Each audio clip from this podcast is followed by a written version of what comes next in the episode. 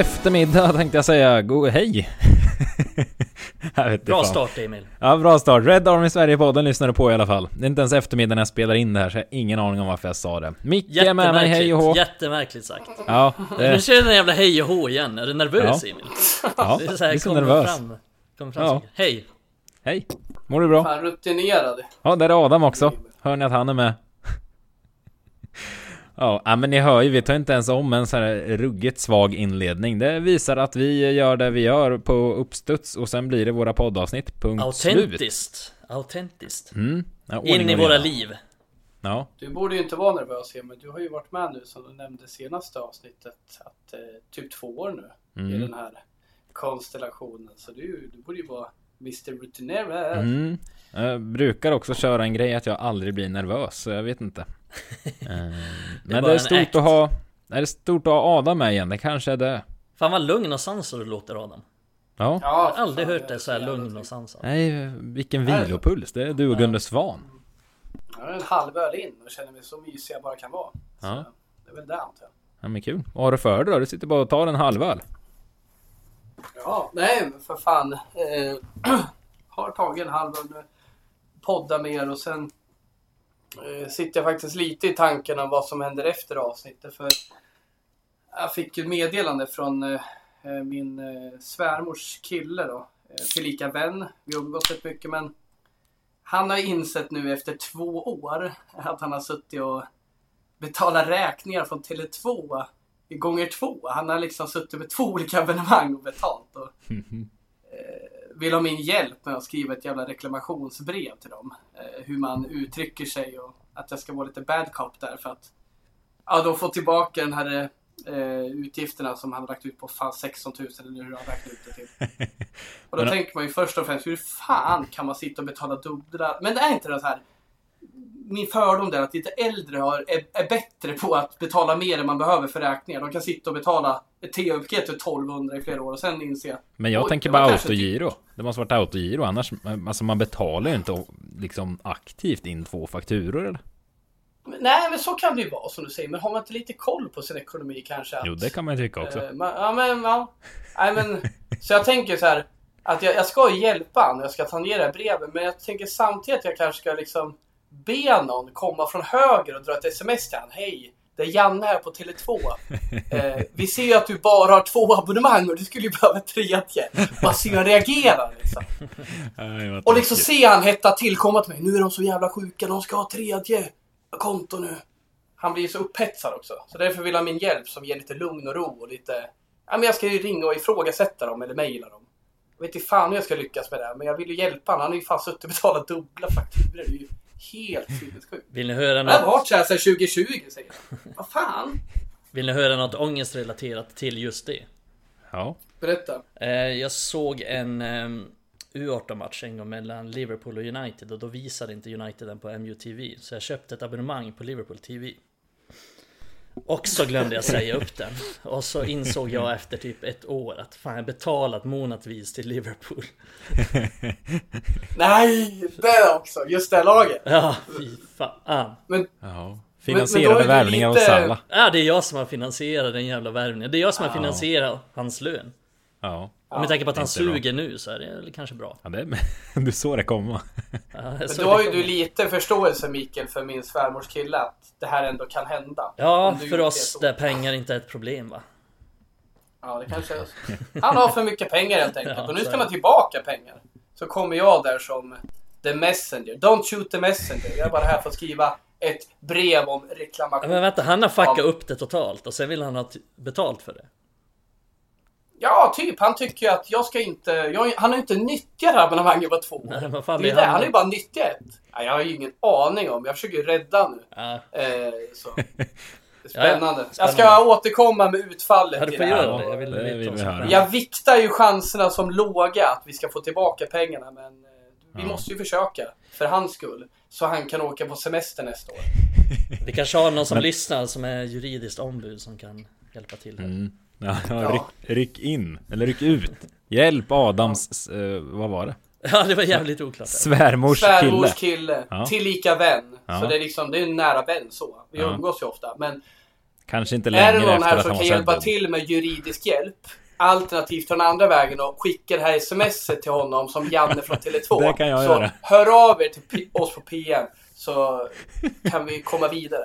Men det är kul det där du sa att man tänker att det är gamla människor och sådär som åker på det där. Jag har en kompis mamma.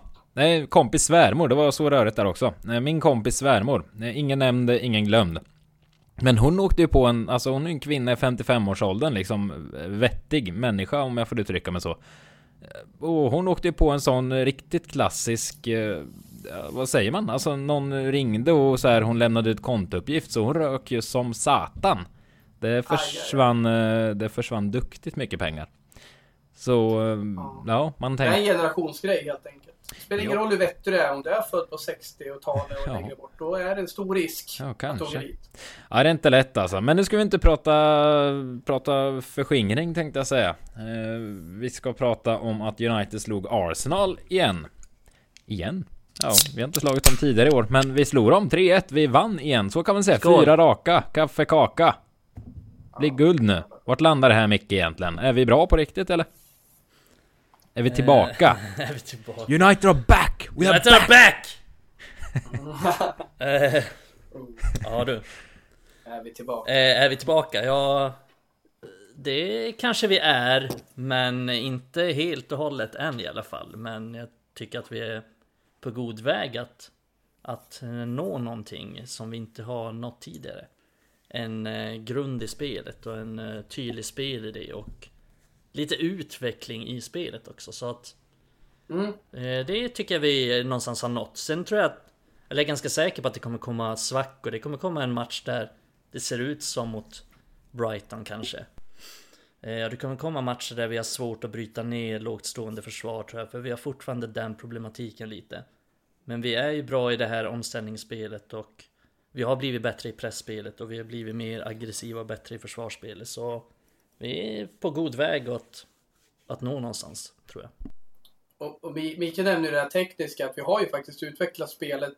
Vi får se om det kommer fortsätta vara så här eller bli bättre eller sämre. Liksom, vi har ändå ett spel som har etablerats och vi börjar se mönster. Vi börjar se att Erik Ten Hag börjar få effekt på vad han vill. Ganska tidigt vill jag ändå säga. Absolut med tanke på hur dåligt vi inledde säsongen. Men som är värt att återspegla det här att vi ser ju i den här matchen än en gång hur vi som lag jobbar för varandra. Att vi tar kampen, vi tar duellspelet, vi firar mål tillsammans, vi firar rensningar tillsammans och vi ser ut att älska och representera tröjan. Och jag tycker det är, det är väl någonting som jag än en gång vill återspegla till hur jävla viktigt det är och hur anmärkningsvärt det är. Att han har lyckats med det här efter hur dåligt vi inledde säsongen. Men hur kan det Man vara så-? Om vi fastnar i den inställningen. tecken. Men Mm, och inställningsfrågan efter, där. Alltså, och efter hur, det såg hur? ut förra Ja, alltså säsongen mot- också. Det är helt sjukt Ja, hur han har, hur han har både vänt på förra. det här inställningsfrågan. Men hur har han på- gjort det? Alltså är det Ten Hag eller är det nyförvärven som kommit in? Vi ser liksom en Martinez är ju sjuk i huvudet och bara jublar och slår sig för bröstet för minsta lilla. Alltså är det spelarna eller är det Ten Hag och ledarstaben eller är det de som har gått ut? Alltså vad, det är svårt att svara på kanske, men vad tror ni? Vad pekar det på? Jag För tror det är att det är... Det är en sån extrem skillnad mot för bara, när mötte ju Brentford tre veckor sedan. Det är ju helt, Mm. det är galen skillnad.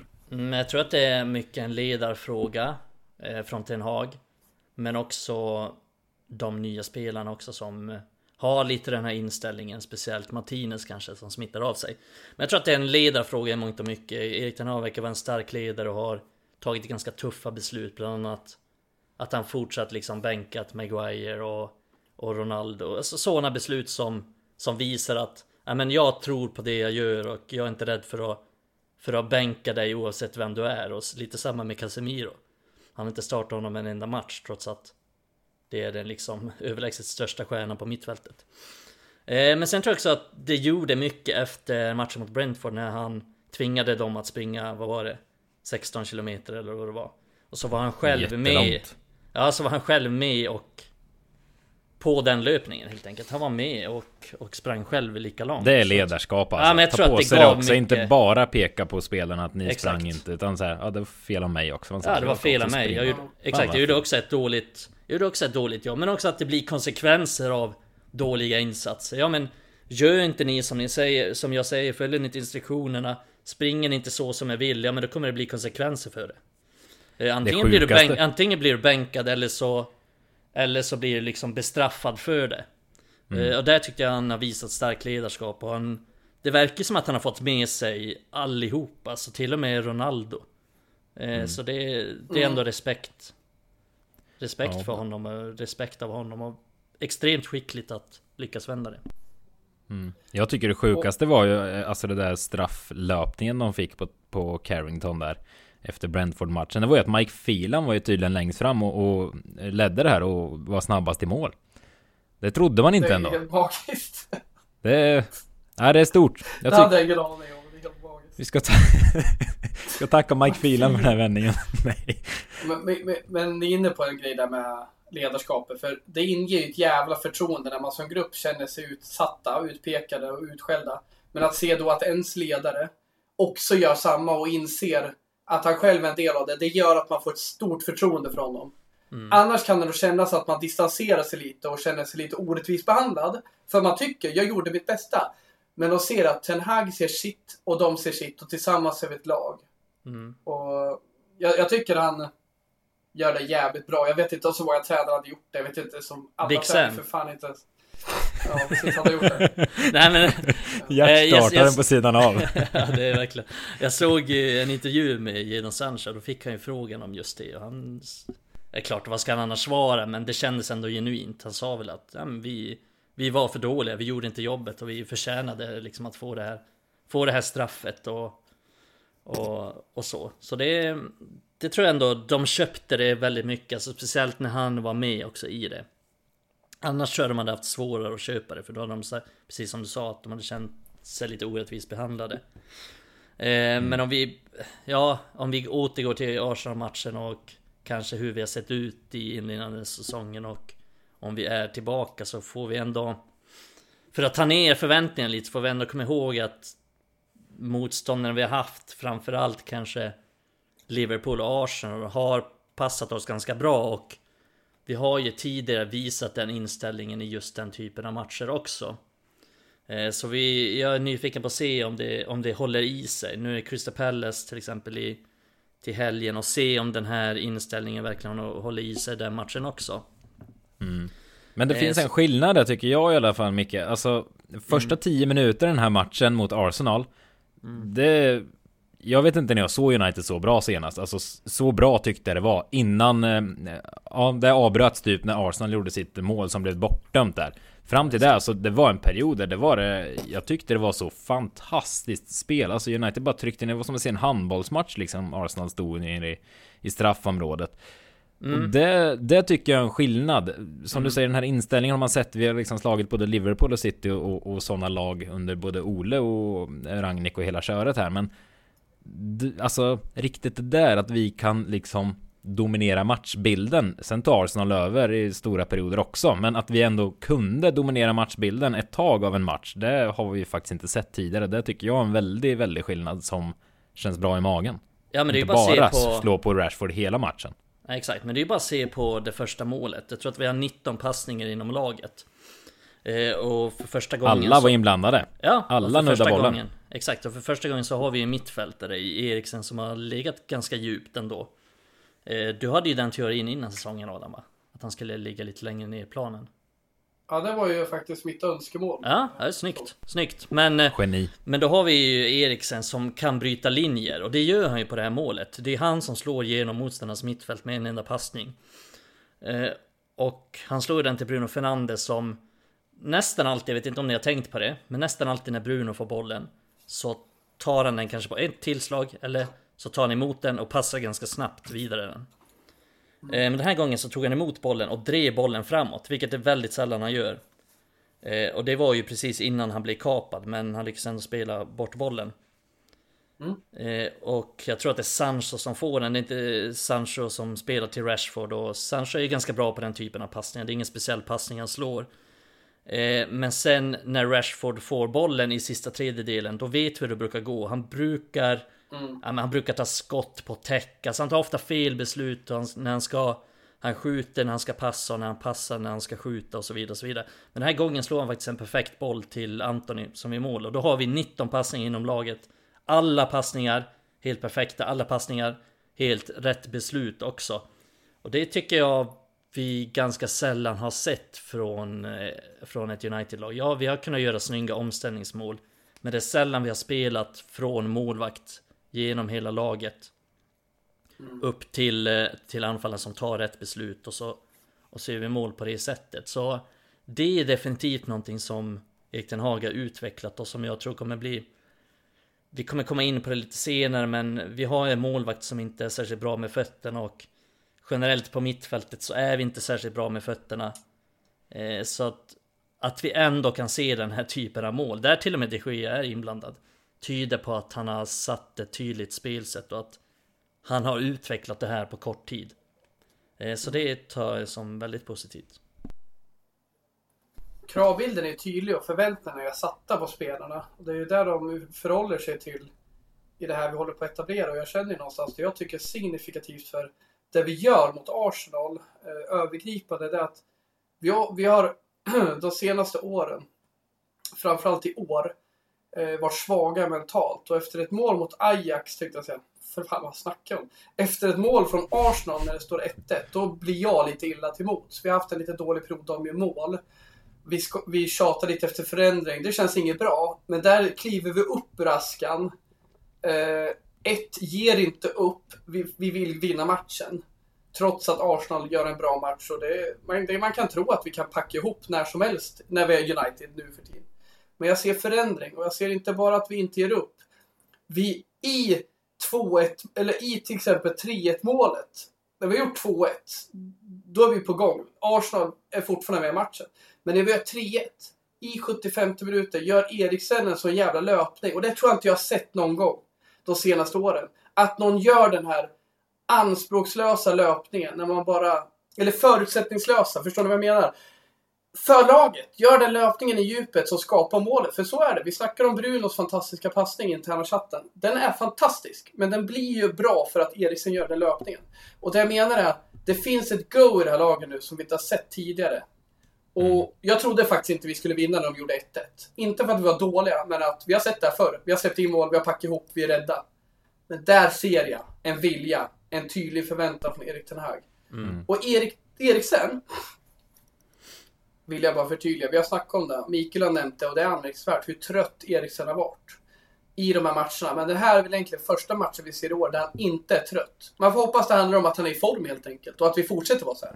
Men han springer nog fan med mest av alla. Och den här löpningen är inget undantag från det. Ja men så Han sista springer hela 20-30 tiden. är det vi har pratat om att han ser liksom trött ut i Ja, slutet av, Exakt. av matcherna. Att, han är, att han är, det är läge att byta varje match. Så Mm, det känns precis. ju inte som en startspelare då. Men i den här matchen, inte trött och ger järnet hela tiden. Löper inte max hela tiden, men är alltid i rörelse. Han står aldrig still, vill alltid vara med och bidra. Och har en bra passningsfot, så det känns jävligt tryggt. Och det handlar om mentalitet. Mm. Det finns alltid spelare som har orkat springa i alla tider i United. Men de senaste åren har vi sett skillnad och det handlar inte om att de inte orkar. Det handlar om att de fan har glömt vad de håller på med.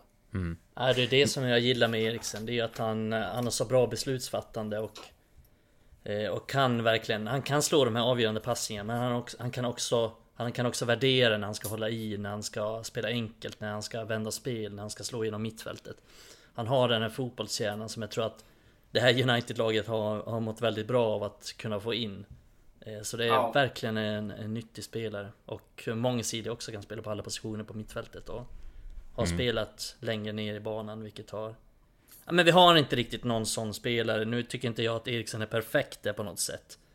Eh, Men han är... Men han är en början, tydligt. Ja liksom. men han är tydligt Han är- den bästa liksom i, i det spelet och kan, kan slå bollar genom mittfältet vilket han... eh, Ja men jag skulle säga att han slår i princip den, han slår den viktigaste passningen till det första målet.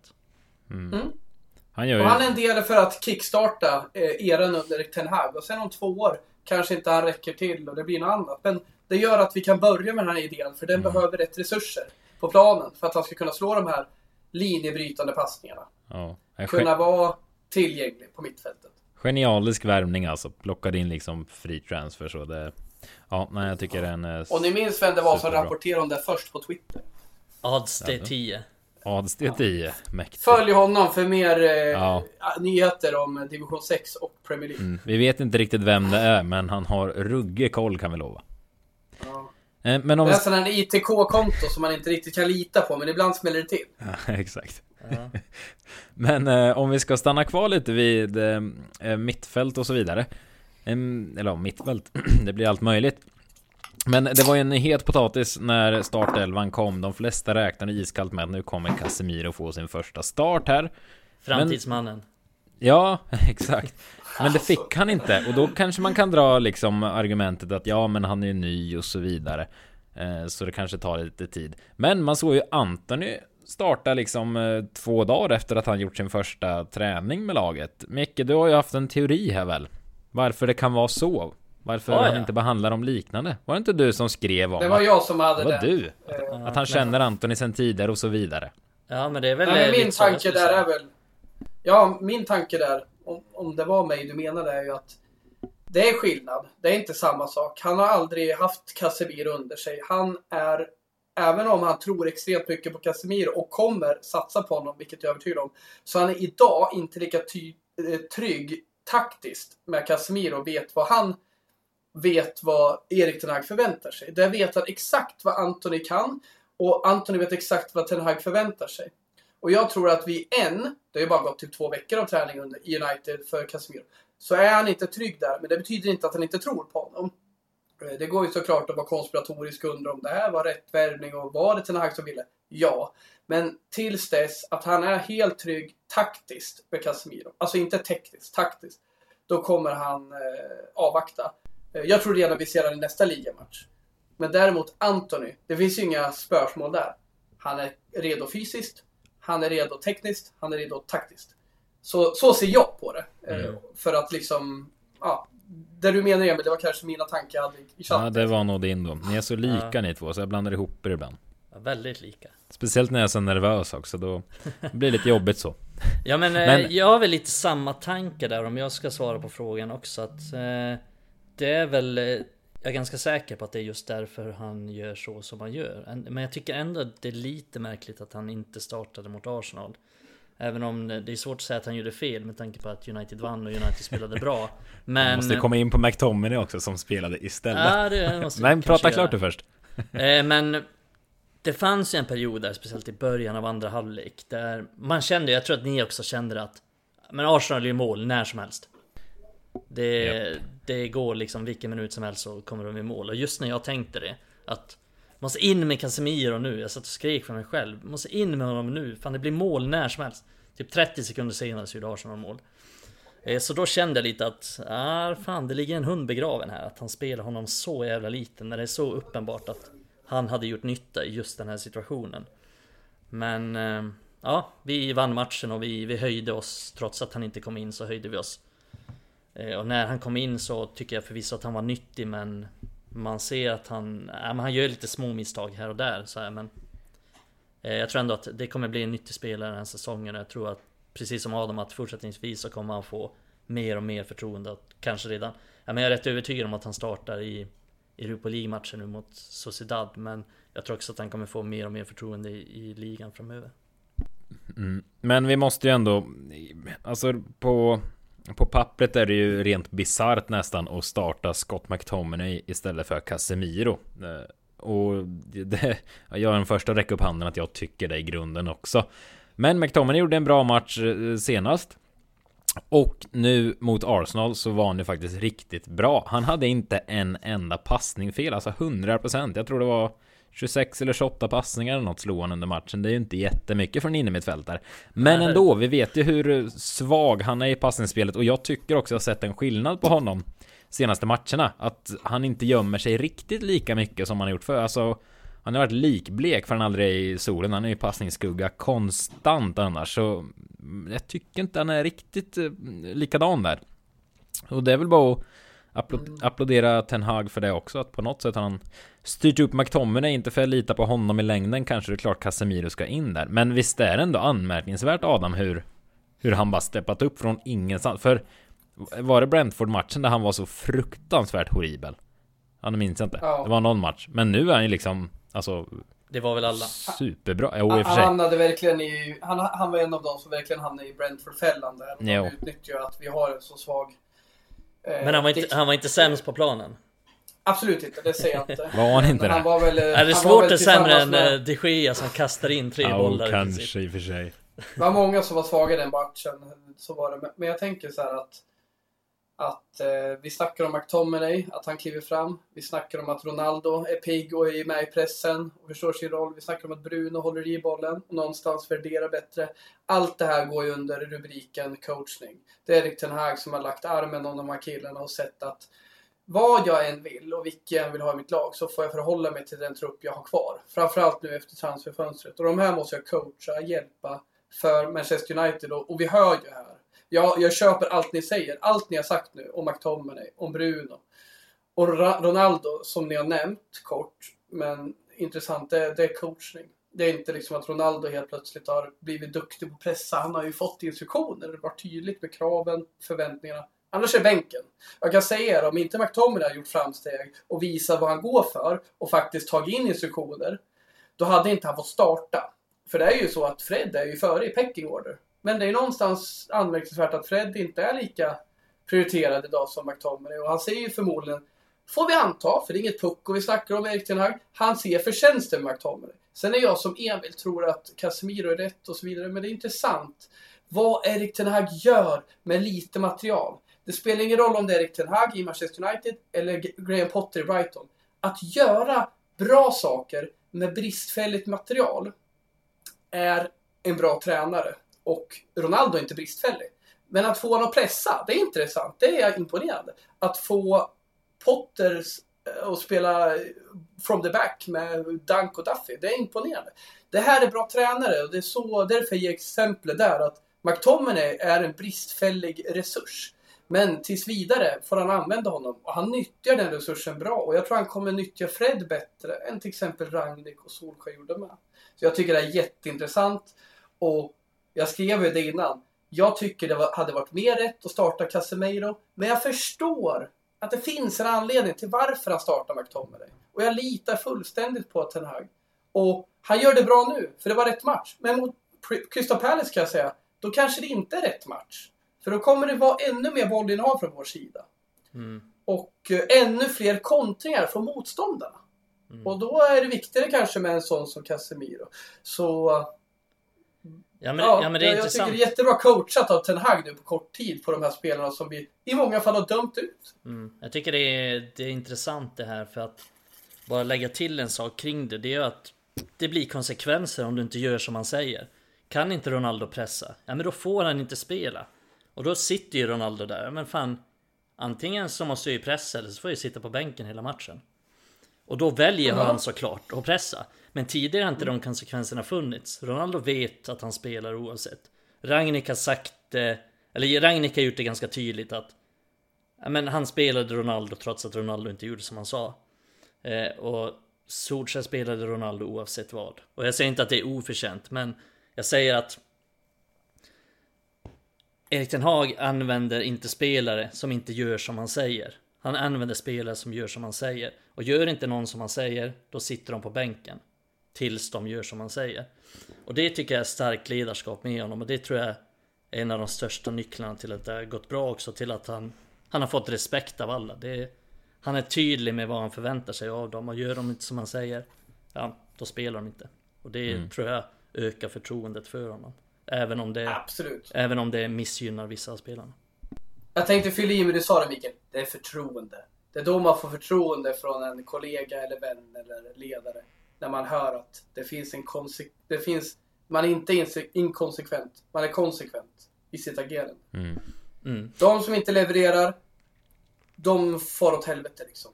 Och det är ju så man måste vara som ledare. Man måste vara tydlig, annars får man inte med sig gruppen. Och där tycker jag att Ragnik hade det jobbigt, ska jag säga. För han hamnade lite i en pissig situation där och han behövde Ronaldo för att ens hålla sig över ytan. Men det var ju aldrig hållbart på lång sikt att spela spelare som inte följer instruktionerna. Eller vad fan det nu än är. Men Solskär det tycker jag är lättare att döma där. Han hade fler, lång, längre tid på sig. Jag tyckte han inte var så jävla konsekvent. Jag tyckte att han eh, gav alldeles för mycket förtroende till spelare. Och det är nästan som man kan argumentera för framöver att fan vad lite chanser den fick under Ten Hag. Ah, jag tror kraven kommer vara mycket hårdare under Ten Hag än under Ole. Och det vill jag bara poängtera i den här monologen. Att jag upplever att när jag lyssnar på Erik Ten Hags eh, eh efter matchen-intervjuer så hör jag alltid att det finns en tanke. Det finns alltid en så här, ja det var bra, men vi måste tänka så här framöver. Medan jag tyckte Ole kunde sveva iväg lite och snacka om att gruppen är fantastisk och är det. Även fast det inte var fantastiskt. Man hör liksom att shit, det är inte bara vi i tv-soffan som sitter och ser att det finns utmaningar. Han gör det. Och it's all about commitment liksom. Och vi måste vara tajta. Vi måste pressa. Vi måste hålla i hela matchen. Vi måste slipa på det här passningsspelet. Ja men det ska vi i honom. Det ska vi ju i Erik Ten Hag när han ser matchen mot Arsenal. Att vi inte gör vissa saker helt perfekt så som man vill. Det skaver i honom. Men jag tror Ja. att med tidigare tränare så kunde de bortse från de sakerna och kanske såg mer positivt på det. Men eh, han, han har högre krav än de tidigare tränarna. Och det är, och det är någonting som kommer gynna United och någonting som, de, som den här spelargruppen behöver också tror jag. Det ska sägas också att vi har fått in en eh, drös med lyssnarfrågor inför det här programmet och jag, missade att nämna Fan, det. nice. Vi fick in, ja, vi, väldigt kul när ni hör av er, väldigt många också. Eh, och många bra frågor ska sägas, vi har inte kunnat ta med alla. Eh, men eh, det var två stycken, jag vill bara lyfta det. Christian Boje Hultman och eh, Jonas Johannesson. Båda ni lyfte ju just eh, McTominays uppvaknande här att han nästan är som ett nyförvärv också. Och det är ju fler spelare som man kan tänka så kring i princip. Så jag vill bara lyfta det i alla fall. Sen har vi också fått en fråga om vi bara ska stanna kvar vid den här matchen innan vi går vidare på alla andra frågor. Eh, för jag tycker ändå man måste prata om Bruno Fernandes efter den här matchen med, ja, han hade ju en helt eh, fantastisk passning där fram till Rashford. Eh, det var väl 2-1 målet blir det ja. Det var ju helt fantastiskt och innan det satt jag och svor i våran berömda interna chatt för jag är så trött på honom ibland men sen är han ju så utslagsgivande. Och Fredrik Johansson har frågat där också, är Bruno en tillräckligt bra passningsspelare för att vi ska kunna föra matcher mot lågt stående lag? Tycker han slår bort många passningar där han bara ska sticka in den till bra chanser? Och det är väl lite där vi har varit också, men alltså efter en sån här match när han är så utslagsgivande som han är till slut, alltså har man rätt att sitta och härja på Bruno? Och han visar alltid hjärta och liksom kaptensmaterial på något vis. Och är det fel att sitta och härja på honom? Eller ligger något i det Fredrik säger? Vad tycker ni? Det är nu man önskar att man kunde säga till Fredrik att vi hade i bakfickan vilket avsnitt vi har avhandlat den här diskussionen. Och Jag Ja. tror faktiskt vi står kvar i våra åsikter där på respektive håll vad vi tycker. Eh, Jag har inte fått någon bild av att ni förändrar er. Och, eh, Nej. Ja, men vi, vi tycker olika där och eh, jag har ju tvivlat under tiden. Jag har tyckt att Bruno Fernandes är en tillräckligt bra spelare för United och jag tror att han med Erik Ten Hag- Hags coachning kan bli bra. Jag kan inte sätta 500 spänn på det, så säker är jag inte, men jag tror att Bruno är en tillräckligt bra fotbollsspelare. Och ni har ju drivit tesen att ska vi i en ny era med Erik Ten Hag bli mer bollförande så blir det för tufft för Bruno att göra den omställningen. För jag köper ert resonemang att han är ju bäst i en eh, mindre bollinnehavsriktad fotboll, mer, eh, där han får vara mer poänginriktad än spelinriktad. Så, eh, på hans fråga där, vi tycker olika. Eh, jag står kvar och tror att med coach det kommer att bli bättre. Men jag köper era resonemang fortfarande att han kanske ska ha någon annan roll än den eh, han har idag för att han ska funka. Men eh, Ja. ja, mm, För med mig- tillförsikt ser jag framåt. Ja, för mig är han ju ingen mittfältare. Jag ser honom som en typ eh, second Mittback. striker. Ja, mittback verkligen. Alltså han, han är bra i poängspelet. Han gör poäng, han kan slå avgörande passningar, han kan göra avgörande mål. Eh, Det har han inte gjort så mycket mål sista åren, men han, har, han är vanligtvis en ganska bra avslutare och har ganska bra skott och sådär. Men jag tror inte att om vi, om vi blickar lite framåt och ser om två år hur Erik Ten Hag vill ha sitt lag, då vill han ha en, en målvakt som kan eh, som eh, kan slå passningar. Han vill ha en eh, innermittfältare som är bra på att spela sig ur pressen och som kanske kan dribbla sig loss på mittfältet och eh, liksom är en bra passningsspelare och bollskicklig. Han vill ha det spelet. Han vill spela från målvakt upp genom hela banan. Och han vill eh, etablera spel på offensiv planhalva. Han vill spela med tålamod. Han vill eh, att United ska hålla i bollen mycket och ha tålamod i anfallsspel, inte slå bort den så mycket. Och det tror jag inte att Bruno Fernandes är rätt spelare till. Så jag tror att just nu platsar han, för det finns, inga, det finns inte riktigt någon bättre spelare. Lite av samma anledning som de Gea spelar just nu. Det finns ingen annan riktigt och därför spelar han honom. Eh, sen tycker jag att de Gea är en grad högre liksom. Jag tror han ser de Gea som ett större problem än vad Bruno Fernandes är. Men jag tror att hade han fått önska fritt liksom, då hade han hellre haft en, ja men en Eriksen typ som tia. Som är lite mer bra på att värdera, värdera lägena. Eh, så det, det tror jag om eh, Bruno Fernandes och framtiden. Men det är klart, han har sina förtjänster. Han är, han är riktigt bra på det han gör. Men han har inte riktigt de här pass... eh, Det var väl typ en fråga om hans passningsspel, visst var det så han ställde frågan? Ja, men Ja. som Emil nämnde, det, du är ju frustrerad Emil och jag fattar ju det. Jag kan inte säga att Han är... fan vad du är ute och cyklar Exakt. här liksom. Men jag kan tycka att han har en bra passningsfot. Han behöver bli coachad i att inte vara den här huvudlösa hönan här bort under Solskär. För den tesen har jag drivit, och det är värt att påminna för de som inte har hört den, att jag anser att han inte har blivit coachad tillräckligt när han kom till United. För så här var det i United. Hej Bruno Fernandes. In i elvan. Han bara, va? Vilken tröjnummer ska ha? Nej men du ska in i elvan. Vi har fan Pereira. Jag vill aldrig mer se honom. Han kom in, gjorde underverk, för vi hade såna extrema behov av en tia. Solskär har ju lagt fokus då på Dalot som inte kan försvara. AVB som inte kan anfalla. Han har fokus på McTominay som inte kan passa. Bruno har varit såhär, men skit i Brunos eh, värderingar. Han, han är vårt minsta problem. Men det har blivit ett stort problem när vi har blivit bättre. Och där anser jag att kan man lägga lite mer ägg i Bruno-korgen när det kommer till coachning så kommer det bli bättre. Och det utgår jag från att han har en bra passningsfot. Men han har en hjärna som verkar vara helt jävla kortsluten. Ja men han har bra passningsfot i vissa På typer av passningar. I vissa typer Jo, av men passningar. han, Han, han, är inte bra i agerar ju som en huvudlös höna. Ja, I presser ibland men han och är ibland inte- i passningsspelet. Men det har blivit bättre under Ten Hag. Ja men exakt, men han är inte... Jag tycker inte han är en bra passningsspelare när han blir pressad eller när han ska liksom värdera situationer på mittfältet eller byta kant. Då tycker jag inte han är en särskilt bra passningsspelare. Men han är riktigt bra på att slå de här avgörande passningarna. Sen misslyckas han såklart med många avgörande passningar, men det, det kommer alla göra. Ingen kommer sätta alla avgörande passningar. Men just den passningen, den är han jävligt bra på att slå och det, det, kan, liksom, det kan man aldrig ta ifrån honom. Men eh, den andra typen av passningar är han inte lika bra på. Och Han har, han har svagheter i, i spelet i övrigt också. Han är inte bra i liksom så här uppbyggnadsfasen. Han är, det är väldigt sällan spelet går via honom på det sättet i, i, i själva speluppbyggnaden. Utan han är oftast den sista länken, den som slår den avgörande passningen. Eller tar det avgörande skottet. Men det är sällan han är särskilt aktiv i själva spelet på det sättet. Mm. Eh, kort bara innan vi lämnar Arsenal eh, helt och hållet. Marcus Rashford måste vi ändå prata om som gjorde 2 plus 1 här och vi har gnällt som eh, bara den på honom i många Många långa avsnitt eh, med all rätt kanske. Men eh, vad säger ni? Alltså är Rashford tillbaka på något sätt och vis eller hur? Hur ser ni status Rashford?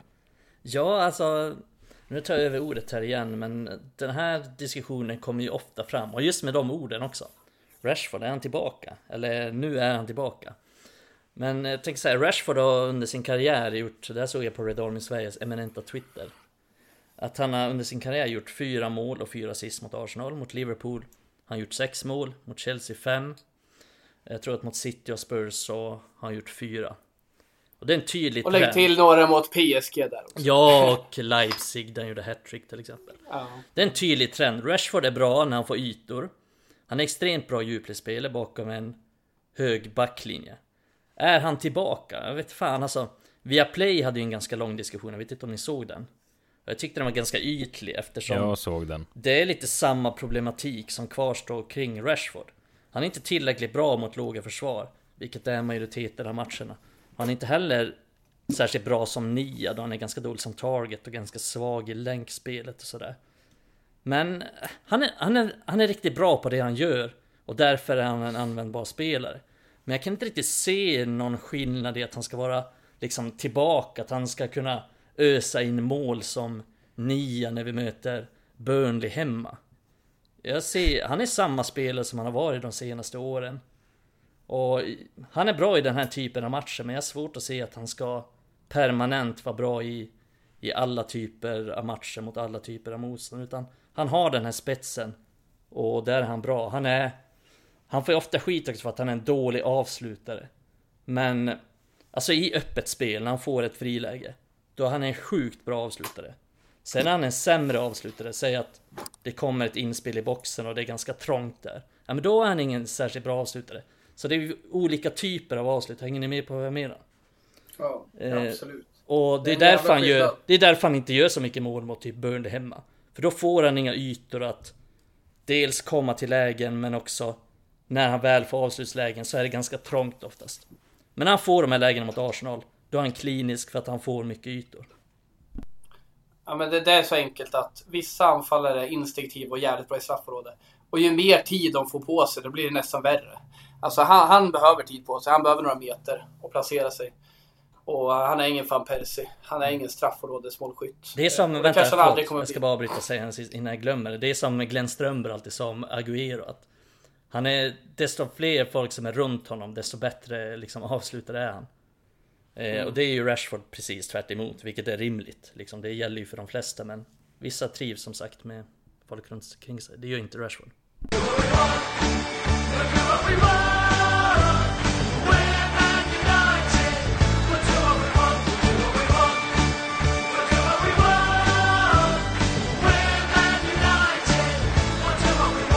Ingen la, na, na, Ja men den är ju där. Den är ju för bra för att inte... Fan så glad man blir. Helvete. Nej, ska vi Ja, jag podda ska vidare? köra! Ska vi brassa på?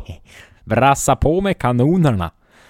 Eh, Nu har jag i alla ja, fall delat den i en annan fackla. ska bara Jag hitta kan vart ju jag är. lyssna från, Jabba dabba. från en. Ehm, jag ska bara hitta vart jag är. Där.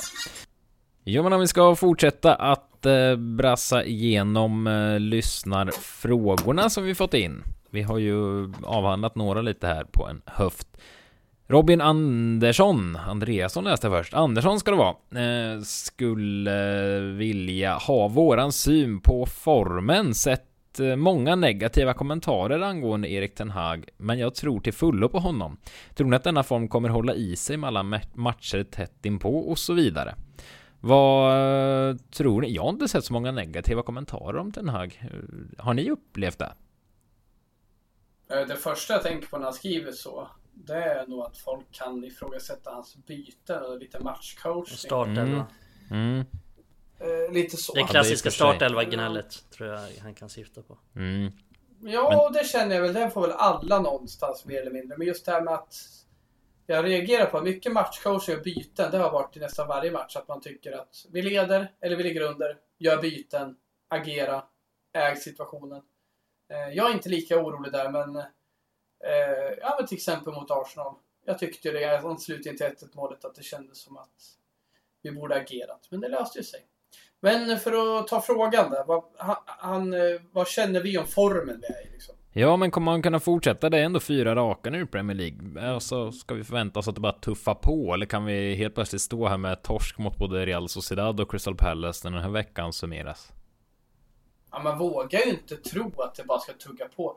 Jag kan ju tycka att eh, förhållande till min eh, förväntan på Ten Hag att vi kommer femma i år, att det är ändå en eh, bra insats förutsatt att vi fortsätter utvecklas. Och så kan det ju bli. Vi kan ju komma femma och vi har gjort framsteg, så kan det vara. Men då känner vi inte jag att det är hela världen om vi förlorar eller kryssar mot Palace, men min förväntan är ju en vinst. Eh, men jag är inte så resultatinriktad så. Mer framgången i utvecklingen av den nya eran. Sett till spelet, kulturen, laget. Men Real Sociedad tror jag absolut vi nästan kan förvänta oss eh, strul. För där kommer han behöva rotera. Och eh, det vi sett nu när han hittat sitt lag, som gör att han till och med petar bra spelare som Casemiro, eh, är att vi har ett lag. Och hur, säk- hur säkra är vi på att han har ett lag som jobbar för varandra mot Real Sociedad? Där eh, Mac Shaw eh, och Maguire liksom, och AVB kan vara i backlinjen. McShaw? Lindelöf, Lindelöf kan vara i backlinjen. Du vet den här håglösa kvartetten vi hade förra året. Stor Mm. del. Det är inte säkert att de kommer high varandra och fira när det blir en rensning ut till hörna. Vilket man älskar att se. Eh, ja, det, jag tror det kan bli svårt mot Real att få ihop det här laget, den elden. För den har vi fått till och den har ju banat väg för bra insatser. Däremot mot Palace ska vi ha ett bra lag. Jag tror absolut vi kan fortsätta på den här resan. Men jag, jag ställer mig lite frågandes till eh, hur vi står i Europa League. Mm. Vi ska prata mer eh, framåt här eh, när vi avhandlat lyssna frågorna. André Johansson undrar lite svenskarnas roll i laget. Vad kommer egentligen hända med Elanga och Lindelöf? Känns som de kommer få väldigt sparsamt med speltid. Många spelare på de positionerna. Och Mick, vi har varit inne på det här eh, tidigare, pratat om just eh, svenskarna, men det är ju dels är det väldigt unikt att vi har två svenskar i Manchester United, bara det är lite mm. eh, anmärkningsvärt såklart, men eh, alltså situationen för dem är ju ganska prekär, va? Framförallt för Lindelöf skulle jag säga, men eh, vad tycker du? Ja, jag håller med om det. Framförallt för Lindelöf. Jag tror att Lindelöf kommer få väldigt lite speltid den här säsongen. Han är ju ändå ganska tydligt fjärde val som mittback. Och Elanga tycker jag ändå har fått ett litet uppsving. Vi snackade om det tidigare på försäsongen framförallt att han får nog det ganska tungt den här säsongen. Eh, han fick inte mycket förtroende de två första matcherna eller sådär. Men eh, sen efter den här matchen mot Liverpool så känner jag ändå att Erik Ten Hag har sett saker i honom som gör att han gillar honom. Så jag tror ändå att Elanga kommer få, få han kommer inte vara en startspelare den här säsongen, men jag tror att han kommer ha en ha en roll som gör att han kommer få spela mer än Lindelöf. Jag tror att han har, han har sett någonting i Elanga. Dels är Elanga en sån som följer instruktioner, gör som tränaren vill. Men också att han är nyttig i, i spelet. Han är nyttig att dra isär lag. Jag tycker han är, han är underskattad. Många säger så här att mot lågstående försvar så är han, så är han värdelös. Det tycker jag inte riktigt att han är, för han är bra på att dra isär lag med sina löpningar. Han är bättre än om vi jämför med Rashford så är Rashford jävligt bra mot lag som står högt på att ta löpningar bakom. Men jag tycker att Elanga är bättre på att ta löpningar mot lag som står lågt.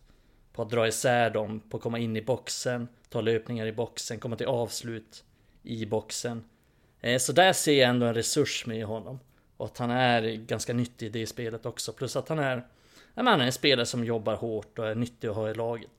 Lite som jag sagt innan, han är en lite bättre version av Daniel James tycker jag. Och jag, jag ser en roll för honom, jag ser att han behövs. Och det är, inte, det är inte fyra, fem yttrar före Elanga heller nej, nej, för nej, Men det, alltså det är Sancho och Antoni där vill starta där Rashford kommer ju springa runt där lite då och då också antagligen när Ronaldo och sen Martial finns också. Mm. Men efter, bakom dem så är det väl Elanga. Alltså han går före liksom en sån som Garnacho. Vad, ja. vad, vad, har vi mer? Glömmer jag någon nu? Det känns som jag glömmer någon. Nej det gör det Nej. inte. Eh, sen men... spelar han ju på båda kanterna också, vilket stärker hans chanser ja, för speltid. och yttrar byts ganska ofta i matcher ja, och så vidare. Plus att han kan så... spela som... Eh, plus att han kan spela centralt också som anfallare. Ja, så han kommer nog få sina minuter. Men Lindelöf ja. som vi är inne på, det är tydligt ja, är eh, Martinez, Varan och sen finns ju Maguire som tycks gå före också. Och mittbackar mm. byts ju kanske inte lika mycket och så vidare. Framförallt inte i matcherna heller, men inte mellan matcher. Nej, och roterar man, roterar man en så kommer ju Maguire vara den som spelar och behöver en mittback bytas in som vi såg nu matchen mot Arsenal, då kommer det vara Maguire som kommer in. Eh, så där kommer det vara lite tyngre och jag ser inte riktigt att Lindelöf har någon större framtid i United. Det har jag väl aldrig riktigt trott att han har heller, men nu är det ganska tydligt att han inte har det. Känns som han kan gå redan i vinter fick jag för mig nu. Vi ska inte prata transferfönster, men det känns som han Ja men som du är inne på, han är nog fjärde val och kommer inte, alltså sen kommer han säkert få någon match här och där, Varann skadar sig, Martinez mm. blir väl avstängd ganska snart. um, nej men alltså, det är klart det kommer hända, det kommer kuppspel och Europa League har vi redan pratat om, så det är klart han kommer få sina matcher, men han kommer ju liksom inte komma upp i över 30 matcher den här säsongen. Det ser jag faktiskt inte en... Jag ser inte att det finns en möjlighet till det faktiskt för honom. Nej, han, kan ju, och, han kommer ju aldrig slå sig in. Det är inte så att han är 22 år och bara har framtiden för sig. Han, han, kommer aldrig slå sig in i United. Nej, men så här, landslagskapten och så vidare för Sverige. Alltså det tror jag ändå... Alltså liksom Jan Andersson och kompani borde också se ett väldigt, väldigt värde i att han flyttar på sig i så fall för att få speltid. Som, alltså, Säg inte svensk... det. Säg ja, men, inte det. Det är inte så nej, att han har brytt sig om det innan. Nej, okej, okay, men ändå. Ni, ni fattar att han ja, liksom kapten som inte spelar någonting. Det är också lite, lite anmärkningsvärt även om jag hör vad du säger. Men äh, det känns som man borde kika sig runt alltså redan i, i januari om om han sitter bänk. För han kan inte gå en, en hel säsong utan att få speltid i den åldern han är i. Det känns... Nej, det kan nog bli lurigt för Lindelöf framöver är eh, min känsla och jag tycker nog inte det något fel i det heller. Jag ser nog honom som fjärde, fjärde val också. Jag tycker inte det är fel någonstans från Lindelöf där. Eh, och, eller från Lindelöf, från Ten Hag. Eh, Fredrik S. Hellström har faktiskt skickat in fråga just kring det här. Eh, för han tycker, eller han frågar hur orätt är det mot Viktor att han förmodligen får spela Europa League med Harry? Eh, och så säger han det att Maguire var med i typ tre straffsituationer under den kvarten han var inne senast och att Harry är grym i lågt stående försvar men då han får vända ryggen mot mittlinjen är han verkligen en fara för hela backlinjen.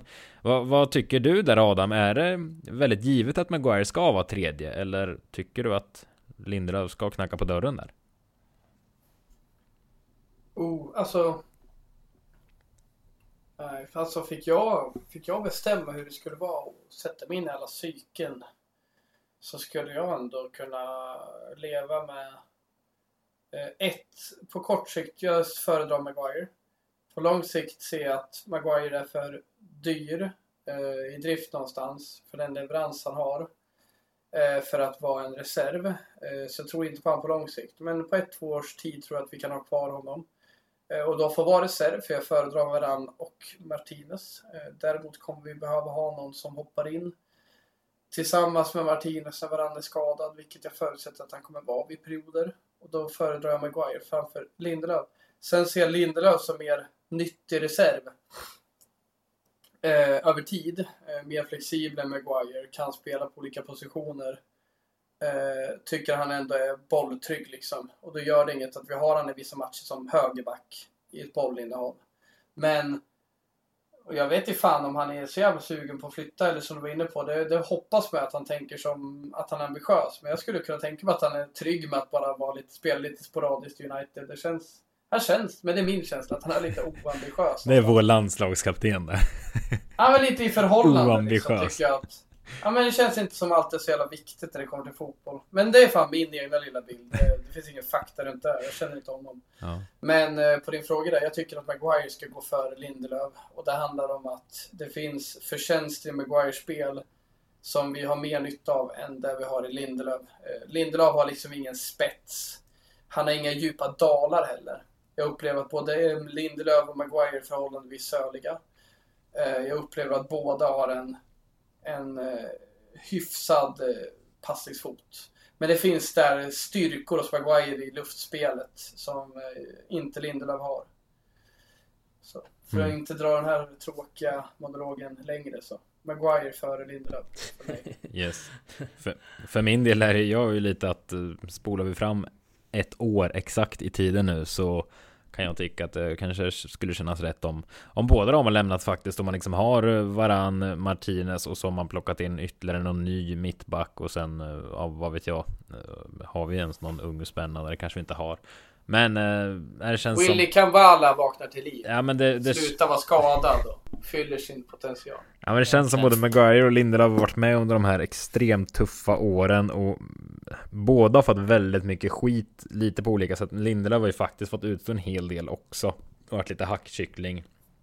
Och Maguire ska inte ens prata om hur hackkyckling han har varit. Så jag vet inte, det känns som de sitter på ett tungt bagage i United på något sätt. Så det kanske är lika bra att tacka, skaka tass och gå skilda vägar nästa sommar om det skulle vara så. Faktiskt, tänker jag. Men Mm. vad Men folk är ju vet så, jag? folk är så jävla, går ju alltid till överdrift att Typ så här, han är skit eller han är bäst i världen. Japp. Liksom, eh, det tycker jag är lite märkligt att man är, att man drar så Det är alltid himmel eller helvete liksom. Men det är, Ja. Jag tror att Jag tror att Maguire är väldigt mycket bättre än vad gemene man tror på fotboll. Men sen är det ju Han har hamnat i en situation där Där det kanske skulle vara bäst om han försvann från United. Men det är klart att det är en Det är en ganska stabil eh, tredje back som vi har ändå. Om vi säger att han inte är ordinarie nu. Och samma med Lindelöf. Det är ett väldigt stabilt fjärde val egentligen. Men sen... eh, tror jag Jävla att- bredd på, en- på sätt och vis i... Ja men det är det ju verkligen. Sen tror jag inte någon av dem kanske är kvar på sikt. Om man säger så. Och nu var det ett ganska konkret intresse från Chelsea för Maguire och av allt att döma så vill inte United sälja honom. Vilket jag någonstans kan förstå eftersom Ten verkar vilja satsa på Maguire ganska mycket. Och det skulle vara en risk att sälja honom såklart med tanke på varans skadehistorik. Och då skulle det bli väldigt tunna där men Det skulle nog kanske varit bäst på lång sikt om man sålde Maguire när det kom ett bra erbjudande men Det är klart att han kommer ju nytta som tredje val och han kommer få spela ganska mycket den här säsongen men Mm. Det gäller också att ta chansen när man får den för det kanske inte kommer igen. Så är det med det. Sista lyssnarfrågan vi ska ta här, den får nog nästan du svara på uh, Micke här. Staffan Nordin Söderlund skriver Hur tänkte United med att låta 10 stycken 19 till 22-åringar stanna kvar i U21 trots att de märkbart växte ur den kostymen? Svårt att se att det ska gynna deras utveckling. Hur tänker du där? Du har ju bra koll på ungdomarna som vi alla vet. Ja, nu känner jag att jag inte har så bra koll för jag vet inte riktigt vilka han menar. Om jag Avslöjad. ska vara ärlig. Ja, nu är jag Ja, men kan... avslöjad här. om jag ska rida ut till Staffans, eh, om jag ska tänka hur han tänker då, kan det inte vara eh, typ Garnacho, eh, alltså den typen av spelare som liksom är ung och kanske Ja, kanske inte utvecklas jättemycket om man lirar U21 men kanske inte kommer få spela så mycket med A-laget heller. Iqbal, vad har vi mer? Ja. Ja. det är väl typ den typen av spelare. Ja, kanske han tänker på, vad vet jag? Vet, ja, alltså jag vet inte om jag tycker att de har liksom blivit för bra för U21 för att just Garnacho har faktiskt knappt spelat U21. Nu vet jag inte om han menar Garnacho. Men om vi säger det så har inte han spelat så många U21-matcher egentligen. Så han har nästan kommit direkt från U18 till A-laget. Men jag tror att anledningen till att de är kvar just om vi tar Garnacho och Iqbal det är ju för att han ser dem som A-lagsspelare. Sen har det inte funnits något utrymme att spela dem riktigt. Och jag förstår att han inte har gjort det. Han är, han är liksom inte i en position, Erik Ten Hag nu, där han kan ta risker och bara Ja men nu ska jag spela Iqbal centralt på mittfältet. Eller nu ska jag spela Garnacho där.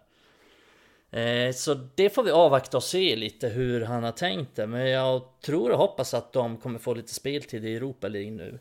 Jag hoppas verkligen, speciellt Iqbal hoppas jag kommer få lite speltid nu. För att han har de här egenskaperna som han som han har eftersökt i Frenkie de Jong och som han, som han vill ha. Sen är inte Iqbal lika bra som Frenkie de Jong. Men han har de här egenskaperna att han kan komma ner djupt i planen. Han kan dribbla sig förbi en mittfältare. Han kan dribbla sig förbi två mittfältare. Han kan han klarar av att bli pressad och kan spela sig ur de situationerna.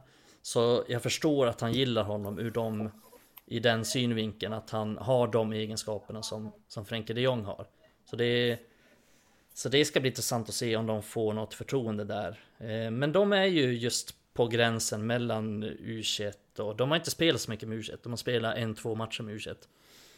Eh, Sen har de väl varit liksom, Garnacho har varit en del på bänken men det har inte Iqbal varit. För han har väl varit lite den här just utanför truppen så att säga. Om en blir skadad så kanske han får hamna på bänken. Men eh, Så det är väl dem. Sen vet jag inte om han menar Kanske Ahmad och de här som De har ju för sig blivit utlånade så Ja men det, det är svårt att Svara på när jag inte vet exakt Mm. Vilka han syftar på men Vi får välkomna Staffan och återkomma om han inte fick svar på sin fråga med vilka Ja, men jag exakt tycker han menar. överlag så här, om, vi, om jag ska orera fritt kring det här att Överlag är United varit ganska dåliga på det att de inte haft någon tydlig plan för många av de ungdomarna Till exempel Ahmad har Ja men vissa perioder bara liksom suttit på läktaren och spelat väldigt lite fotboll Och innan Hannibal blev utlånad nu och Ahmad också för den delen Så spelade de varken med U21 eller med A-laget så att Jag vet inte riktigt vad de gjorde Och det har eh, varit så i ganska många fall också att det inte funnits någon tydlig plan för de här ungdomsspelarna som är lite på gränsen mellan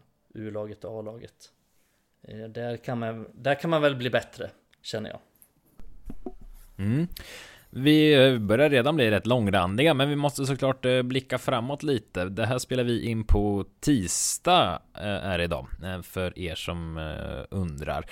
Vi möter ju Real Sociedad när Europa League drar igång här på torsdag och sen söndag är det Crystal Palace. Och som vi nämnde i föregående avsnitt så det är torsdag, söndag, torsdag, söndag här nu ett gäng veckor i sträck. Så det kommer vara full baluns här. Men om vi ska börja med Europa League. Adam, vad, hur, hur tror du att Ten Hag Alla. och company kommer, vad sa du? Alla. Alla? Ja, vi, vi byter ut alla i startelvan. Jaha, det var inte ens min fråga. Nähä, nej. Nej, du ser. Han har suttit och laddat för ett svar på en fråga som exakt. inte ens är ställd. Suttit och grundat på den länge. Nej, vi kanske kommer dit också. Men eh, hur tror du att Ten Hag och company kommer värdera Europa League? Men det kanske är svaret på frågan i och för sig. Nej, jag är helt övertygad om att han kommer eh, satsa på den. Det tror jag. Jag tror han kommer ta den på allvar. Eh, nu, nu blir det Men ändå byta ut alla. eh, eh, Ja, men alltså överlag. Jag tror inte att vi, vi vilar alla nu under en intensiv period påverkar så jävla mycket. Eh, Det är ändå he på hemmaplan. Förvisso ett bra Real Sociedad. Men övriga lag är så dåliga att vi, vi ska kunna klara ändå. Men på din fråga, jag tror absolut vi kommer satsa på Europa League. Jag tror också vi kommer kunna eh, mönstra ett bra lag. Men Jag ställer ju frågetecken till om han över tid kommer få lika gott go i det laget han kör som är B-variant än det som är av A-variant. Eh, för resurserna har han eh, på pappret. Men om de är committade, det återstår att se. Men jag tror absolut vi ska kunna eller, eh, vila många och ändå få upp ett bra lag på pappret. Och jag får ju bara förutsätta, med tanke på tilltron jag har till Erik Tnag, att han får ett go i de här gubbarna, även fast de heter Lindelöf, eh, AVB och eh, ja, vad fan det nu är för några tråkiga nissar som inte verkar visa så mycket hjärta på planen. Ja men det är som. Maguire med, Shaw med. Det är en trött backlinje vi har bytt ut. Ja men vi får väl se om, vi får väl se om den är trött när Erik Ten Hag har den också. För de har inte fått visa sig så mycket ändå tycker jag. Eh, Lindelöf har inte spelat en enda minut. Men eh, det är det som ska bli intressant att se hur väl de tar, tar sig an den uppgiften. För det är ganska tydligt att ja men förmodligen så spelar Maguire och förmodligen kanske Lindelöf också. Och Luke Shaw spelar nog definitivt om man är om man är skadefri. Så det ska bli intressant att se hur de tar sig an den matchen. För lite som vi sa innan att Gör du inte som han säger, spelar du inte så som han vill, då kommer du inte få spela något. Och eh, de här spelarna måste ta chansen för att kunna slå sig in i startelvan igen. De måste ge allt för att få tillbaka sin plats. Och jag tror att de känner ganska stor motivation av att göra det. Eh, så därför ska det bli intressant att se hur, hur, hur mycket de kör kring det. Men om vi tar Erik Den Hags liksom tänk så här så hoppas ju jag att han ska rotera ganska mycket i gruppspel för vi bör- bör ta oss igenom det ändå. Och jag hoppas att några ungdomar får chansen. Men sen tänker jag också att det är kanske vår största möjlighet att nå Champions League. Och när vi väl tar oss vidare från gruppspelet, vilket jag tar för givet att vi gör, då tycker jag att vi ska satsa ganska hårt på den. Men det är klart, leder vi ligan och är i slutspel i Europa League, ja men då kanske vi måste rotera lite i Europa League och satsa hårdare på ligan. Men, eh, men överlag så tror jag att det kan vara vår bästa chans att nå Champions League. Så då är det en no-brainer för mig att man ska satsa på den. Jag har uttryckt tidigare i podden att jag inte är en stor vän av Europa League och att jag inte får sån jävla kärlek när den här Europa League-hymnen ljuder inför match. Hur går ens den? Så, så, eh, det var ju du som påminde oss någon gång. Varje gång jag hör den tänker jag på dig Emil. Är det Det är sant? sant. Eh, Ja, du gjorde det någon gång. Det ljudet. Och Jag sen sit- dess har det bara fastnat. Jag Din sitter jävla- inte på den här nu ska jag säga dig. Jag kan inte ens blunda utan att din nuna kommer upp i mitt svarta sinne. eh, när jag hör den här låten Emil. Så du Stackarn. borde veta hur det låter. Ja, jag får fundera på Eh, det. För du sa någon gång i en avsnitt hur mörkt det är att känna den hymnen istället för League. Skitsamma. Men det jag tänkte komma till är att eh, tider har ändå förhåller mig till att vi kan nå topp 4. Jag känner inte riktigt det år. Oavsett om Chelsea och eh, Liverpool underpresterar så tycker jag inte att... Eh, jag tror inte det blir nu, eh, plats 4 för oss. Så nu ser det som en jätteviktig turnering att vi kan nå Champions League. För det kommer göra oss sexare på marknaden nästa år och hjälpa Ten Hag på vägen tror jag. Så jag, jag ser mer fram emot nu än jag gjorde för ett år sedan eller två för Europa League. Eh, Mm. Det gör jag. Jag tror det kan bli jävligt bra. Som Mikael säger, det är vår största chans. Men Och det är eh, ett bra ställe också för spelare att få visa sig. Jag hoppas att vi kan integrera lite av de här talangerna som faktiskt visat gott gry på eh, under sommaren som Garnacho och Iqbal då, liksom. Som faktiskt kan komma in och bidra i den här taktiken. Men är inne på att eh, så är det gruppspelet nu så kanske mm, då kan vi rotera ganska friskt och det kommer lösa sig ändå. Vi kanske ska säga utöver Real Sociedad som är det klart bästa laget utöver United-gruppen så har vi också Sheriff Tiraspol från Moldavien och Omonia från Cypern. Så ni hör ju det är lag som eh, de svenska lagen brukar kunna tampas med i kval in till Europa League och så. Typ. Sheriff slog ju Real på bortaplan. Jo, okej då. Men eh, ja, det, blixten kan slå ner ibland. Men, eh, men eh, hur mycket om du ser att vi tar oss vidare från gruppen här nu då och sen efter nyåret där kanske Det börjar vanka slutspel, Premier League är alltid hektiskt där omkring, FA-cup och grejer kanske. Om vi har tur. Det har varit ett eh, fotbolls-VM insprängt. Alltså, där, så spelschemat kommer vara väldigt tight och så. Alltså tycker du att vi har en tillräckligt bred trupp för att kunna slåss på flera håll? Säg att vi liksom har häng på topp 4 i ligan och samtidigt eh, i åttondelsfinal i Europa League och i kvartsfinal i FA-cupen. Finns bredden eller ser du? För han har ju gått ganska hårt på, på de spelarna han, han startat med. Ja, den finns på vissa positioner. Eh, det är också en del av det vi har pratat om eh, under hela poddens historia egentligen. Vi har en obalanserad trupp och vissa positioner har vi enorm bredd och vissa positioner har vi knappt någon spelare överhuvudtaget. Eh, så jag tycker väl att till exempel på mittbacksplatsen så har vi väldigt stor bredd och där kan vi byta ut hela mittbacksparet och få ett på pappret stabilt mittbackspar. Och lite samma med yttrarna nu känner jag att ja, men vi, vi kan byta lite där och få ganska bra kvalitet. Vi har bättre bättre skulle jag ändå säga. Alltså vi har nog lite fler alternativ på mittfältet nu också. Lite fler olika typer av spelare nu när Casemiro har kommit in. Eh, och Eriksen också som är ganska mångsidig på mittfältet. Men vi har ju strikerpositionen till exempel där vi inte har tillräckligt många alternativ. Så visst, på några positioner kommer vi kunna byta en hel del, men vi kommer också behöva köra hårt på vissa typer av spelare för att bibehålla kvaliteten och det kanske inte räcker att köra slut på på Eriksen till exempel som mm, har blivit en väldigt viktig spelare på mittfältet. Eh, och framåt så kommer ju Martial tror jag när han väl blir skadefri få ta ett ganska stort lass. Speciellt i matcher som vi kanske dominerar mer. Eh, så det kommer, det kommer nog slita hårt på vissa typer av spelare. Och samma med Dalot.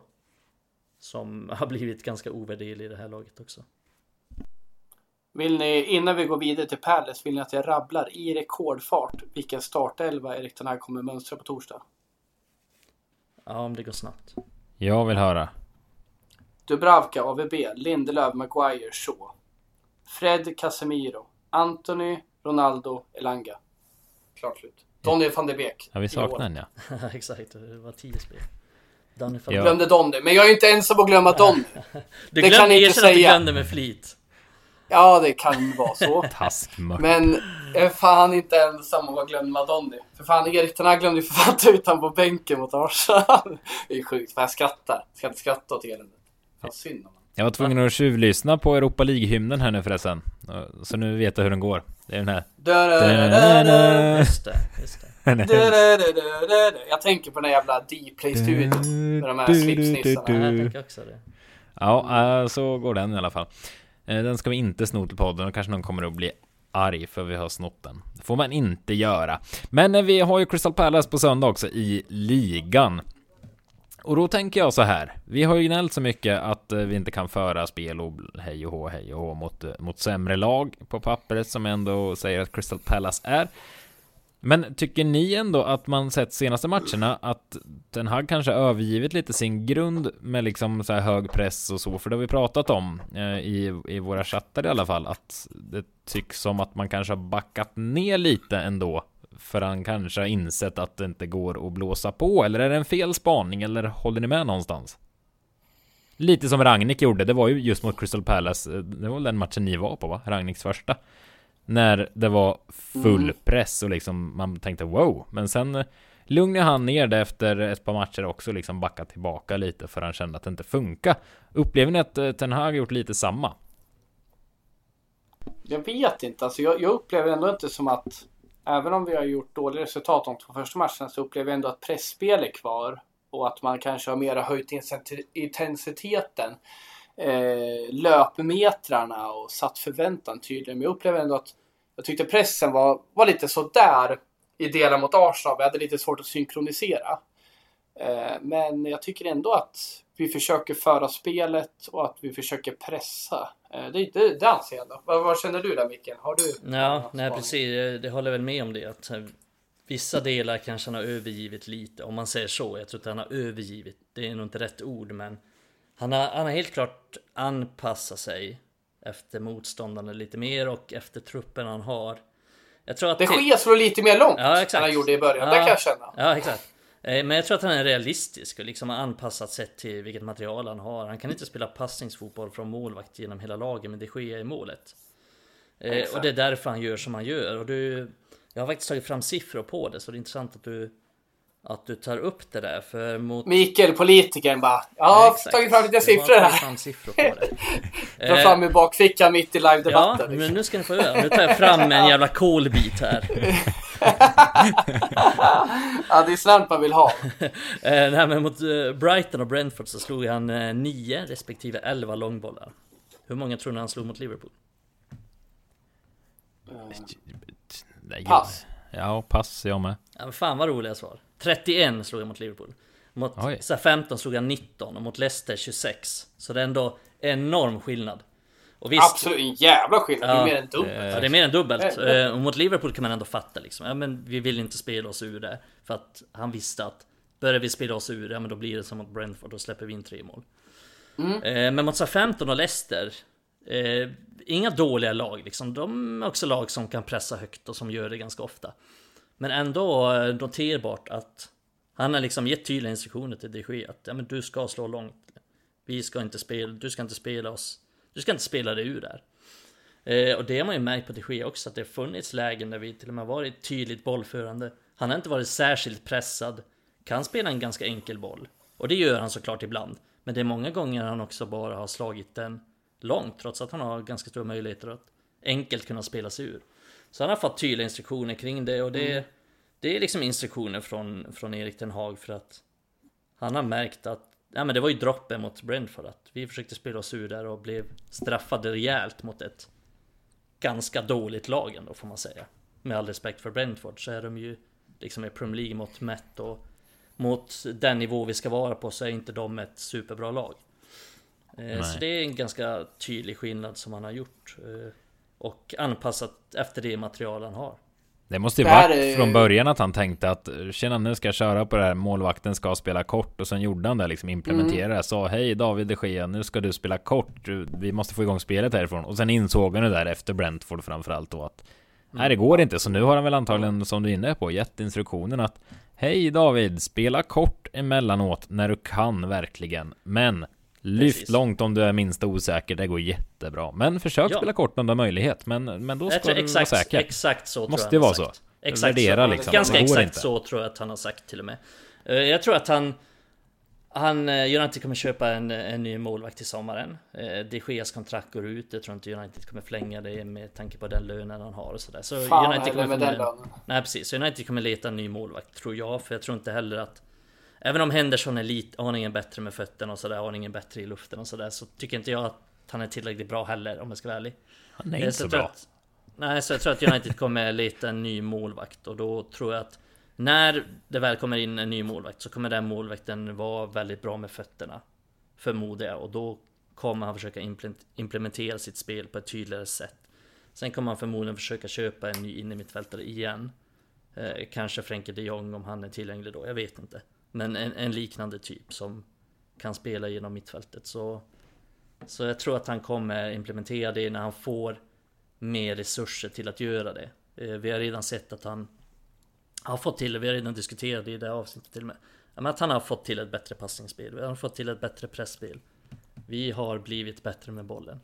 Och det har han gjort med Framförallt de spelare han har tagit in. Det är ju ganska tydligt att Martinez är helt överlägsen i det här laget på att Eh, vad gäller passningsfot och liksom slå bollar mellan lagdelarna. Det blev jag sjukt imponerad av. Jag visste att han, jag hade inte sett mycket av Martinez innan men eh, det jag hade hört och liksom sett klipp på de få matcher jag hade sett så tyckte jag, nej men han är bra med fötterna liksom, inget snack. Men han har fan varit ännu bättre än vad jag trodde att han skulle vara. Eh, till och med mot ett så bra lag som Arsenal. Eh, för jag tycker Arsenal var jävligt bra mot oss. Så lyckades han slå mellan deras lagdelar och och spela sig ur deras press ganska enkelt ändå. Eh, så det är, när han väl får den typen av spel han vill ha, då kommer United vara ännu bättre och då kommer han kunna spela sitt spel fullt ut. Men nu tror jag att han, han anpassar väldigt mycket efter det han har. Jag, jag, jag vill bara snabbt knyta tillbaka till eh, det här med de Gea, att man, man, man lokaliserar en svaghet och bromsar då att ja, vi dubblar antalet långbollar från Brighton till Southampton, vilket är att äga situationen och ha koll Exakt. på våra svagheter. Exakt. Men man tar även nytta av våra eh, styrkor. För vi har ju kanske inte haft ett klockrent pressspel, men det har funkat hyfsat. Och vi har haft som McTominay som faktiskt vunnit en del boll eh, mot typ alla lag som vi har vunnit mot nu. Och, och där känner jag att när vi slår mer långbollar så blir det mer också andra bollar. Det blir mer dueller, det blir mer kontringar för oss och det blir mer anledning till att se varför pressspelet funkar. Eh, framförallt tyckte jag mot Leicester var det helt magiskt och Liverpool med. Eh, och där känner jag att det finns både att se svagheter och nyttja styrkor. Det är inte nödvändigtvis fel att de Gia slår långt. För vi får mer anledning till duellspel och kontringar. Och jag har sett det lite att man kan se någon säga ah, men fan vad dumt att slå långt, han har dåliga fötter. Ja, absolut. Men det gör att vi inte är lika eh, bräckliga i uppspelsfasen. Och det gör också att vi kommer vinna mer boll. Vi vinner ju ingen boll om vi spelar från backlinjen. Och det ska vi göra om två år eller om ett år. Men just nu, det håller inte. Men vi får kontra mer. Jag tyckte det var väldigt tydligt mot Leicester framförallt. Hur vi med spelare som McTominay och Eriksen vann mittfältsduellen mot Leicester. Det trodde jag inte. Det var inget dåligt mittfält vi mötte då.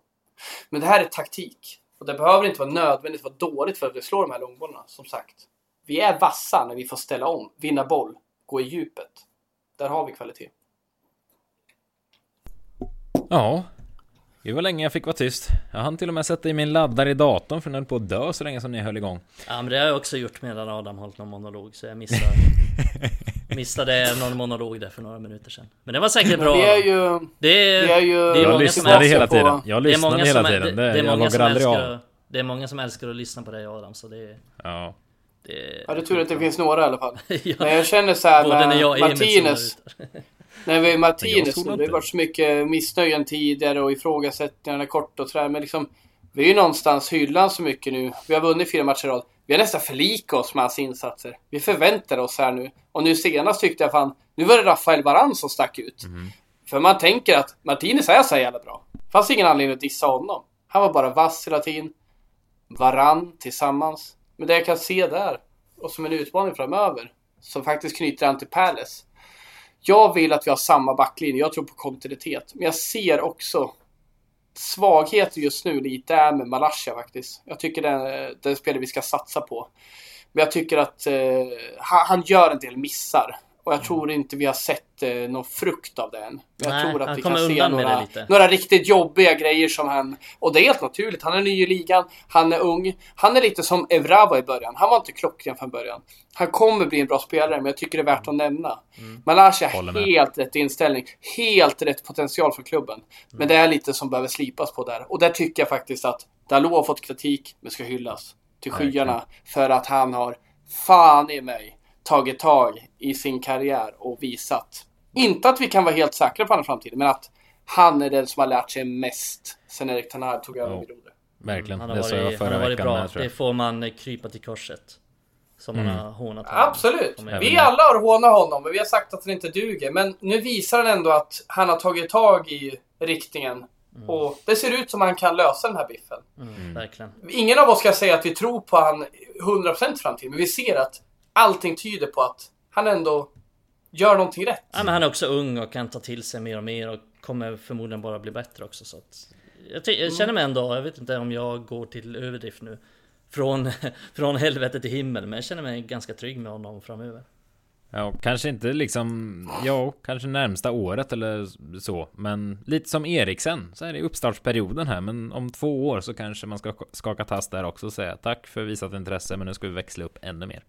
Vad vet jag, han kanske stegrar ännu mer, även om jag är lite skeptisk. Men, men eh, bara för att avsluta och knyta ihop säcken lite så tycker Dalot är ett bra exempel på det här med som vi pratade om i början med inställning och så. Eh, Jag frågade er om det har med de nya spelarna att göra. Men där är ju Dalot en sån gubbe. Vi såg ju den när han tog den där glidtacklingen och räddade ut bollen och det liksom skulle de brösta upp sig mot varandra i hela backlinjen. Det är ju liksom det såg vi inte förr från honom heller. Så nej, det har verkligen kommit till en förändring. Men United har back. Det slår vi fast. Ja, men det känns ju som... Dalot känner ju att de här bredvid mig, de, är lik, de har samma glöd som jag har. Ja. Jag spelar bland ett gäng nu som är bra fotbollsspelare men inte har samma intensitet och glöd. Och jag tror han, han bara suger åt sig allt han kan från Martinez och eh, eh, Varann. Ja, men det jag tror han av har sig. försökt det med andra med. Men det, det, precis, det finns inte så mycket från Shaw eller Lindelöf som smittar av sig. Eller Maguire heller för den delen. När det kommer till eh, ledarskap och intensitet. Tvärtom. Jag hittar mina lagkompisar. De här svarar på mina frågor. De här lär mig saker. Mm. Och det ser ut att, det ser jävligt lovande ut där. Ja, nej, och innan vi avslutar där så måste jag bara påminna, för vi har suttit och gnällt så många gånger i den här podden att man känner sig helt likgiltig när man sätter sig och ser United. Alltså nu är det spännande tider. Det ser jag snarare. Jag ser fram emot Europa League till och med på torsdag.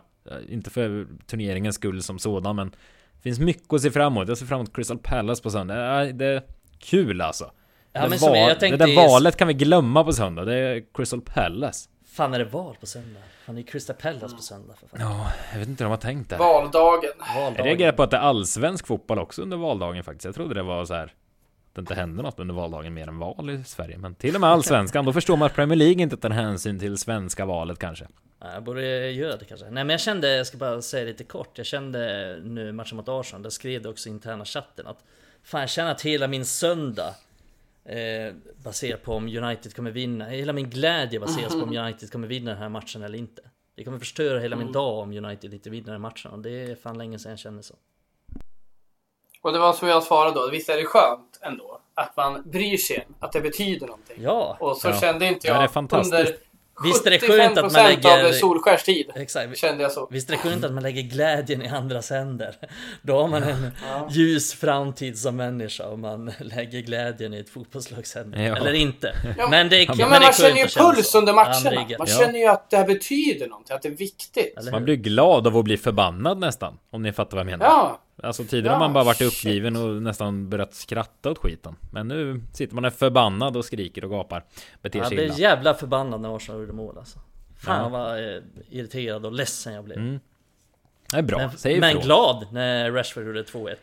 Jag, Ja. fan, jag hamnade efter i Ja. sändningen där så jag skrev, såg att Rasmus skrev i chatten bara yes, yes, yes. Jag bara vad fan är det nu? ja. Jävla über-internet han hade. Fan. Det där är så jobbigt när de skriver innan och man är jaha, alltså Nej, jag blir jublet, nöjd så här jublet bara. kommer Då av blir sig så så mycket. Ja men då blir det så här, vad fan har United gjort mål eller? Så ser jag en passning fram till Rashford. Det blir mål! Ja, ja, Ja det var underbart. ja, lite samma inverkan som VAR, att man vågar inte jubla fullt ut och som jublet kommer av sig lite. Ja, Men men, nu tycker jag att alla lyssnare gör eh, följande. Gå in, följ oss på Twitterkontot, ni som inte gör det, på Red Army Sverige-podden. Och så skriver ni och härjar vad ni tycker att vi gör dåligt och bra. Det blir vi alltid glada för när ni kommer med inspel och allt möjligt. Och så går ni och röstar på söndag också, det är viktigt. Det ska vi göra i det här landet faktiskt. Eh, annars så hörs väl vi nästa vecka antar jag. Se om vi sitter där med 100 vinster till. Vi är tillbaka nu United. Vi är back så det här, eh, här går bra. We're back. We're back! Nu, ja, nu tar vi kväll så ska vi eh, fortsätta se om eh, Chelseas eh, kräftgång fortsätter där. Så att de låg under efter första halvlek mot Dinamo, Dinamo Zagreb i Champions League. Det tycker vi är lite Det går kul. bra nu. Det går bra Ja. nu.